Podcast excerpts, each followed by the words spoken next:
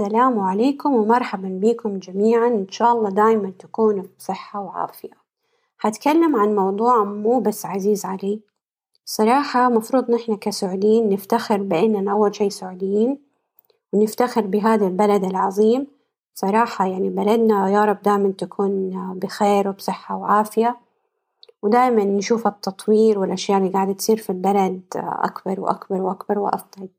هتكلم عن موضوع اليوم مو بس مهم يمكن كثير منكم ما يعرف عنها بس قبل ما أدخل في المواضيع المهمة أول شي يعني أنا لما بدخل في السوشيال ميديا ودايما أنصحكم ودايما أتمنى الخير للآخرين لأنه الصراحة يعني في أشياء كثيرة مرة فيها خير في بلدنا ونحنا ما نعرف عنها تماما.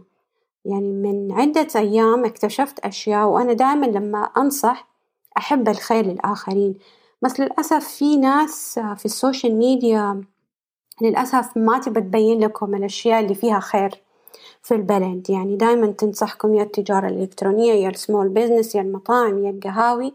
وفي النهاية لما يجوا ناس زيي أو أي أحد يبغى الخير ليكم يبغى يساعدكم يدعمكم. للأسف ما يكون عندنا يعني المكان اللي نقدر نعرض فيه أكتر لأنه بيصير هجوم. يعني هجوم بطريقة غير طبيعية. وطبعا لما الواحد يجي يعطي نصايح ما حيقدر يعطي نصايح في post صغير في تويتر أنتوا عارفين تويتر يمكن غير انستغرامز والمنصات الأخرى. يعني ال post صعب إنك أنت تشرح للشخص أعمل سوي وكذا لأنه ما عندك مساحة كافية. فدايما أنا لما أنصح الناس مثلا تجيني على تطبيق جدير لأنه هذا زي الواتساب هو عبارة عن إيش؟ هو تطبيق جدير فيه تليفون وفيه مسجات وفي فيديو كولز طبعا. تطبيق هو عبارة عن جمعية خيرية. أنا بشتغل معاهم تطوعي ما فيها لا فلوس ولا أي شي باخذ منهم. فبس حبيت إني يعني أعرف الناس وحلو إنه لما الواحد يشتغل مع جمعية خيرية الكل يدعم بعض ويلا اشتغلوا ويشجعوا بعض لأن في النهاية هذه جمعية خيرية وفيها أجر عظيم لما أنت تساعد الناس إنك تدعم هذه الأماكن أو تدعم الناس اللي يساعدوا بعض. لأنه بعض الحسابات في السوشيال ميديا للأسف ما عندها خبرة كافية إنها تعطي استشارات هم عندهم صح okay حسابات كبيرة بس في النهاية هم هدفهم الإعلانات منها. وليس إنهم يعطوا خبراتهم أو يعني إذا واحد مثلا عنده حساب مطاعم قهاوي في النهاية ما حيعطيك استشارات مالية تماما ما حيعطيك أي معلومات في الاستشارات المالية لأنه هو ما هو تخصصه ولا هو حابب أصلا يخوض فيها حتى لو خاض. في النهاية حيقول لك تعال افتح مشروع. أو والله مشكلتك الإعلان مشكلتك مثلا الموظف ده في النهاية طب حتى لو حليت بس ما حيحل إنه يخليك مليونير تماما لا. حيكون لسه عندك مشاكل ديون وفلوس والتزامات جدا هايلة. فموضوعنا اليوم كنت بتكلم مع واحدة عزيزة علي وأبغى رأيكم تماما. تقدروا تحطوها تحت البودكاست إذا أنتوا بتسمعوا مثلا في أبل في أمازون في جوجل سبوتيفاي أي من هذه الحسابات وفي حسابات كثيرة. أبغى رأيكم مرة مهم. طيب كنت بتكلم معاها إنه ما شاء الله الحكومة السعودية بتعطي قروض خيالية. يعني بتعطي قروض ملايين كبيرة. بس أنا ما عندي خلفية يعني عن ال ال ال الأشياء اللي هم يعني متطلبين إن عشان تأخذ القرض. ولكن اللي أنا أعرفه بس إذا ما أكون غلطانة عشان ما أتحمل ذنب بس هذا اللي أنا سمعته. وسمعته من الوالد وكان الوالد وأخويا بيتكلموا في موضوع إنه الحكومة بتعطي قروض كبيرة الناس مفوتة فرص عظيمة. وحتى اللي كنت بتكلم مع الوالد بقول له البنوك ما تعطي قال لي لا ما تعطي. كنت بتكلم مع موظفة ماسكة قسم العملاء الكبار الجولد. قالت لي عزيزتي نحن نعطي قروض لما يكون راتب الشخص أربعة آلاف. وبعدين حتى لو كان راتبك أربعة آلاف أو عشرة آلاف أو إيش ما كان ما حيعطوكم ملايين تماما كلها كم ألف وبس. والكم ألف هذه ما حتساعد الإنسان يدخل في مشاريع ضخمة ولا في العقار ولا في الاستثمارات الكبيرة. فوزارة الاستثمار عاملة لأربع فئات مهمة. طيب إذا أنتوا حابين تستثمروا بس قبل ما أدخل وأخوض في هذا الشيء كنت بتكلم مع هذا الإنسان اللي عزيزة علي تقول لي سارة ترى اللي بتتكلميه ما هو شيء سهل يعني الواحد ياخد فلوس ويدخل في العقار ويدخل في مشاريع الضخمة. قلت لها يا عزيزتي إذا الإنسان متحمس وعنده الرغبة قبل ما يدخل أصلا أي إنسان قبل ما يدخل تماما قبل ما يدخل في أي مشروع لازم يعمل شيء اسمه business plan اللي هي الخطة قبل ما يدخل. يكتب في ورقة وقلم مثلا أنا حفتح هذا العقار أو حبني عمارة كبيرة مثلا خلينا نقول في مسار في داخل في نيوم فين ما كانت. أنا بعطي بس أمثلة. أنت دحين حابب تدخل كم حيكلفك؟ مثلا تقول لأنه أنا اللي سمعته من في واحد اسمه ياسر مهندس ياسر أبو أبو حاجة. هو ماسك منصب مسار في مكة. بيقول إنه الحكومة هي اللي تمتلك الأراضي وإنت بس عليك تيجي تعمر في ذا الأرض. يعني سهلت عليكم مو بس كتير. وغير إنها هي داخلة شريكة حتى لو داخلة شريكة ترى هي بتنفع البلد. يعني مرة كان واحد من أخواني بيحكي إنه يعرف واحد ماسك منصب شيء في إحدى النوادي الرياضية الكبيرة عندنا في السعودية. قال له هل استفدتوا من إن وزارة الاستثمار أو الحكومة إنها هي قاعدة شريكة معاكم في المشروع قال مو بس فرق تماما يعني يعني رفع الفريق جدا بطريقة غير طبيعية. فنحن بنفوت أشياء وأماكن يعني نحن مش متخيلين إن السعودية تعطي ثلاثين خمسين سبعين ثمانين مليون ريال. يعني أنتم متخيلين الشي ده؟ فكنت بتكلم مع البنت بقول لها دي الإنسان العزيزة بقول لها دي الإنسان إنه الإنسان ما يخوض أي حاجة إلا إذا كان مستعد هذا أول حاجة. وإنت قابل إنك تدخل في مشروع مشاريع يعني مشاريع ضخمة وأعرف إنه هذه مشاريع هذه ما هو إنه شيء سهل. بس إذا أنت عندك الإمكانية وعندك مساهمين معاك يشتغلوا أو شركة ضخم ضخمة معاك أو شركة قادرين يشتغلوا معاك ادخل. بس اكتب كل شيء. كم حيكلفني البناء كم حكسب منها مين الشركة اللي حتدير؟ لأنه مش أنت اللي حتقعد تدير لو أنت حتفكر أنا اللي حدير طبعا هذا غلط.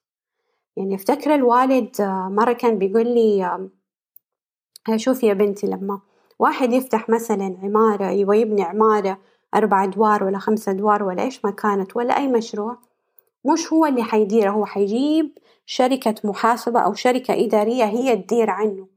يعني هذه الشركة هي اللي تشوف المستأجرين وتدير كل شيء. لأن أفتكر مرة كنت بزور إحدى المشاريع الضخمة في مكة فكان المشروع في داخل. فبتقول لي هذه الإنسانة إنه إذا مثلا أنت اشتريتي أو أي أحد اشترى في النهاية مش نحن اللي بنديرها نحن بنجيب شركة محاسبة هي اللي تدير الحسابات حقت الزباين والمستأجرين والكلام ده كله. في النهاية الحكومة ولا العقار ولا إيش ما دخلت بتسهل عليك مرة كتير. خلينا ناخد بس فاصل صغير ونتكلم إيش بتعمل لنا الحكومة والوزارة الاستثمار.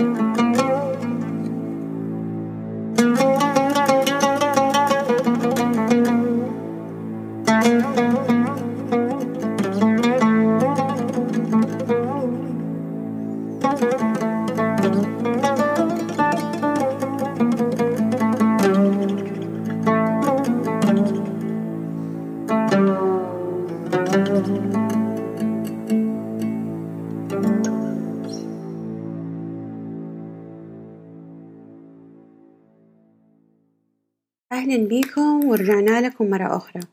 آه قبل الفاصل كنت بتكلم عن هذا الإنسان اللي عزيز علي وقاعدة أقول طيب أنا مرة كنت آه يعني أمس أو أول أمس كنت بتفرج على واحد دايما أحب أتفرج على قناته في اليوتيوب.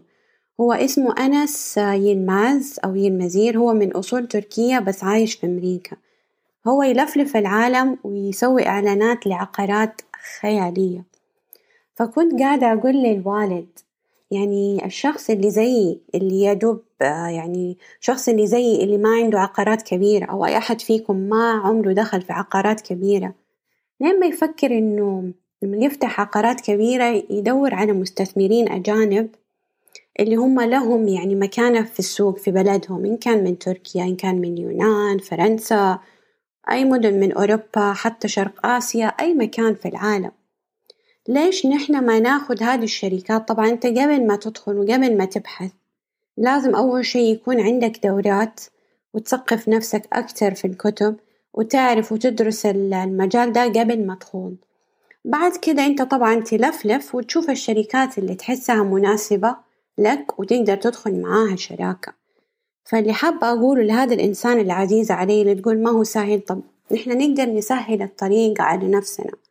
وأبى رأيكم في الكومنت إذا كلامي صح وتتفقوا معايا أو معاها إذا الإنسان هو متحمس ونفسه يدخل بس ولكن متردد إنه ما هو عارف إيش يعمل طب لو جات شركة آه، دخلت معاه شراكة وسهلت عليه الطريق شركة أجنبية أو حتى لو شركات عربية أو آه، خليجية اشتغلتوا سوا مع بعض وبدأتوا في هذه المشاريع العقارية هل حتدخلوا معاهم أو لا؟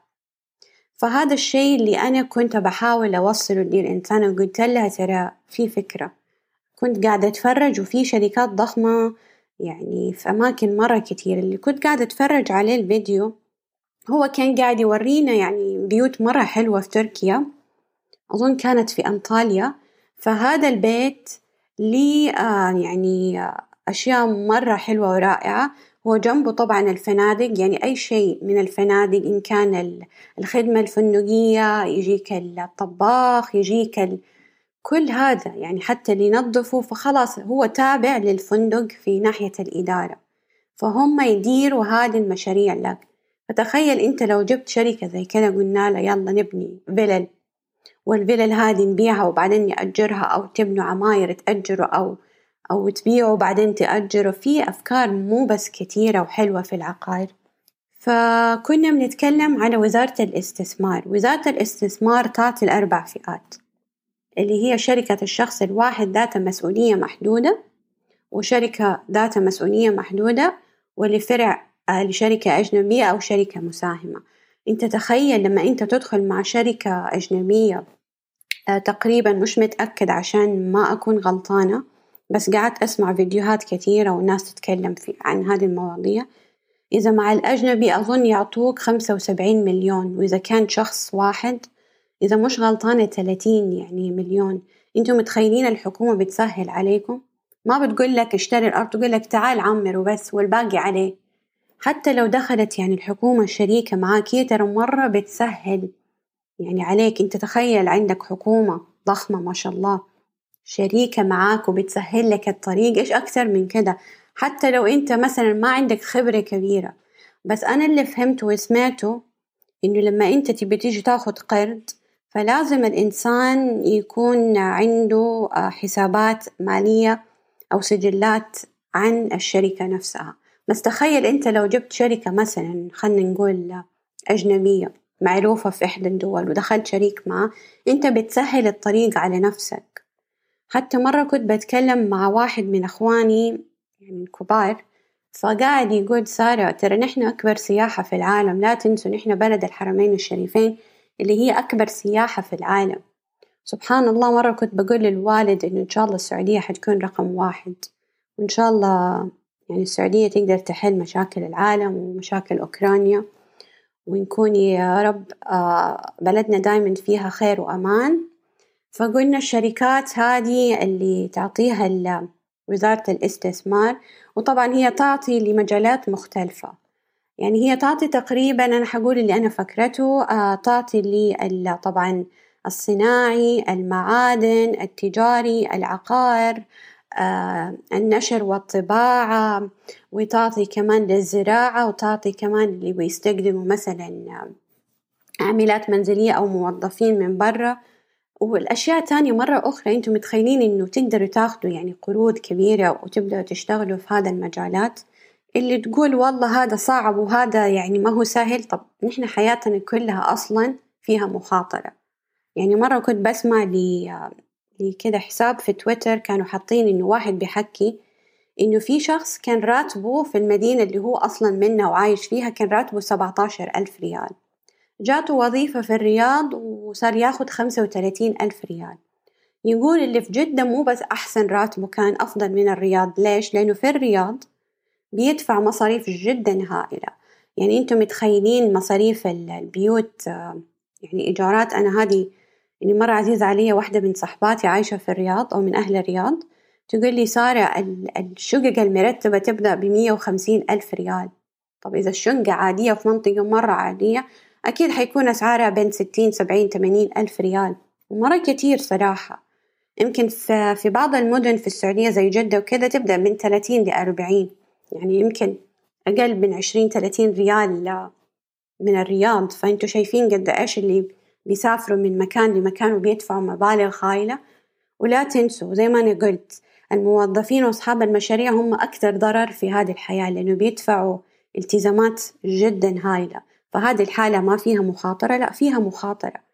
بس أنت لما ترتب وتعمل business plan وترتب أنت إذا حتدخل في العقار كيف حتكسب؟ بالعكس. أنا أعرف ناس شغالين في العقار قالوا لي أنا خسرت من المشاريع الصغيرة ما في غير العقار هو اللي أعطاني يعني الراحة المالية. طبعا أنا ما أقول لك ادخل في العقار وأنت ما عندك خبرة لا أنا قلت ادرس أعمل business plan ادرس هذا المجال. اعرف من فين انت حتكسب. في ناس بتدخل في العقار وما هي عارفة تدير حياتها يعني تدير فلوسها يعني حتى يعني مضيعة فلوسها على الأشياء على الفاضي. نحن مو هنا إنه نضيع فلوسنا ونرميها وناس تنصب علينا لا. انت لازم تدير يعني انت لما حتمسك مشروع انت لازم تدير. مش تدير إنه انت اللي حتشوف المستأجرين لا. انت تدير ورا حقون شركة الإدارة تشوف معاهم تراجع معاهم عشان يعرفوا في أحد قاعد يراجع معاهم. حتى كمان لما أنتوا تدخلوا مع الشراكة الأجنبية هو كمان حيدير عنك. يوم انت مسافر يوم هو مسافر في أحد يعني موجود في البزنس. ف من الأشياء الصراحة اللي اللي مرة رائعة. كل حياتنا فيها مخاطرة لا تنسوا كل حياتنا. مين منكم ما فتح مشروع وخسر وبعد كذا يقول أنا قفلت مشروعي وحزنان مشروعي لي سبعة ثمانية سنين وبعد كذا ما هو عارف إيش يسوي في حياته. فنحن لما نخطط في كل شيء أنا إيش قاعدة أعمل في حياتي؟ دائما أطبع أوراق اللي هي حاجة الأهداف. مثلا نقول أنا حستثمر هنا أنا ححط هنا أنا حاخد دورة هنا أنا حسوي كذا وأحط جنبها الأرقام إنه كم حكسب من هنا كم حكسب من هنا ومين حيمسك هنا. فأنت لما تعمل هذا الشيء وأنا ذكرتها كتير عندي في دوراتي إذا ما دخلت الدورات إذا أنت موظف أو أنت صاحب مشاريع إلكترونية أنصح بالجميع يدخلوا بالدورة. طبعا أنا في الدورة دايما أذكر أهمية الأهداف أهمية تكتب كل شيء. لازم الواحد يسجل كل حاجة في ورقة وقلم. جيبوا الدفاتر اللي موجودة في أمازونز أو في جرير أو فين ما كانت اللي فيها حاجة الأهداف أو الكالندر. اللي مثلا اليوم أنا حسوي كذا مثلا اليوم دفعت كذا. ولازم كمان أنتوا تراجعوا مصروفاتكم. مو كل شيء أنا أصرف وأشتري اللي أنا أبغاه وخلاص وأنسى نفسي. لا. فطبعا هي طبعا العقار فيها مخاطرة ولكن المخاطرة يجيب أرباح من وراها. إلا إذا أنت دخلت وما عندك خلفية وما عندك معلومات أنصح الجميع لا يدخل. مو العقار مو لأي أحد. العقار للناس اللي عندها عزيمة وعندها إصرار وعندها طموح. إذا أنت عندك هذه الأشياء وعندك هذه الأشياء أقول لك ادخل. ادخل ولا تشيل هم. بس أعرف كيف ترتب كل شيء. وحاجة تانية كمان كنت يعني سمعتها من فترة بس ما أعرف كم يعطوا بالضبط قروض اللي هي وزارة الموارد البشرية والتنمية الاجتماعية اللي أنا مطلعة فيها رخصة اللي هي رخصة عمل الحر. طبعا هم يعطوا قروض بس تقريبا كم؟ ما عندي خلفية. بس إن شاء الله إن شاء الله إن شاء الله أحاول يعني أعرف كم وحقول لكم. ف يعني هذه الأشياء الصراحة اللي حبيت يعني أذكرها إنه بلدنا فيها خير. وحاجة كمان أبغى أذكرها من عدة أيام كنت برد لإحدى البوست إنه في واحد كان بيقول يلا خلاص اعملوا قهوة بس لما إنتوا تقللوا في سعر القهوة هذا تعتبر من المشاريع الناجحة. فقلت إنه معليش يعني مشاريع ناجحة كيف؟ إذا باتت المشاريع زي بعضها مستحيل حتنجح. في التزامات جدا هائلة. أنت بتدفع للمحل إيجار وبتدفع آه، التزامات أخرى بتدفع موظفين بتدفع وتدفع بعدين. قلت له أفضل حل اللي هو الأسهم والصناديق هو العقار فجاء شخص رد قال كلامك صح نحن في العولمة أو في هذا. هذا الزمن زمن الأغنياء زمن الناس اللي تشتغل في الأماكن الضخمة مثل العقار مثل المصانع هذه الأشياء. في النهاية لا تلوم أحد إذا أنت ما تطورت. ما حنقعد على وظيفة واحدة ونقول أنا عندي مشاكل مالية ونصيحة قبل ما أختم البودكاست حابب تدخل في المجالات الضخمة لا تشارك أحد. ما عندك غير تشاركوا أمك وأبوك وبس أو أمك وأبوكي لا أختك لا أخوكي لا صاحبتك لا عمتك لا لا خالك لا لا أي أحد في هذا الكون غير أمك وأبوك والله سبحانه وتعالى. حتى في بعض الأشياء يعني أنا ما أحب أشارك أحد تماما أشارك رب العالمين أخوض. بعد كذا أفاجئ أهلي. ففي أشياء ما تقدر تفاجئ أهلك. يعني أنت لما تدخل في عقارات وكذا حاول تاخد آراء الناس اللي شغالين في العقار. يعني إذا والدكم يفهم اسألوا. ما يفهم خلي. أي أحد تعرفوه آه روحوا. يعني قابلوا ناس دخلوا في المجال ده خذوا من أخبارهم خذوا من معلوماتهم كيف دخلوا إيش عملوا. فتعلموا من الناس اللي دخلوا في ذي المشاريع. وإن شاء الله يا رب نشوف السعودية ونشوف الوطن العربي وال يعني البلدان العالمية في أحسن حال وبعيدة عن الحروب والمشاكل.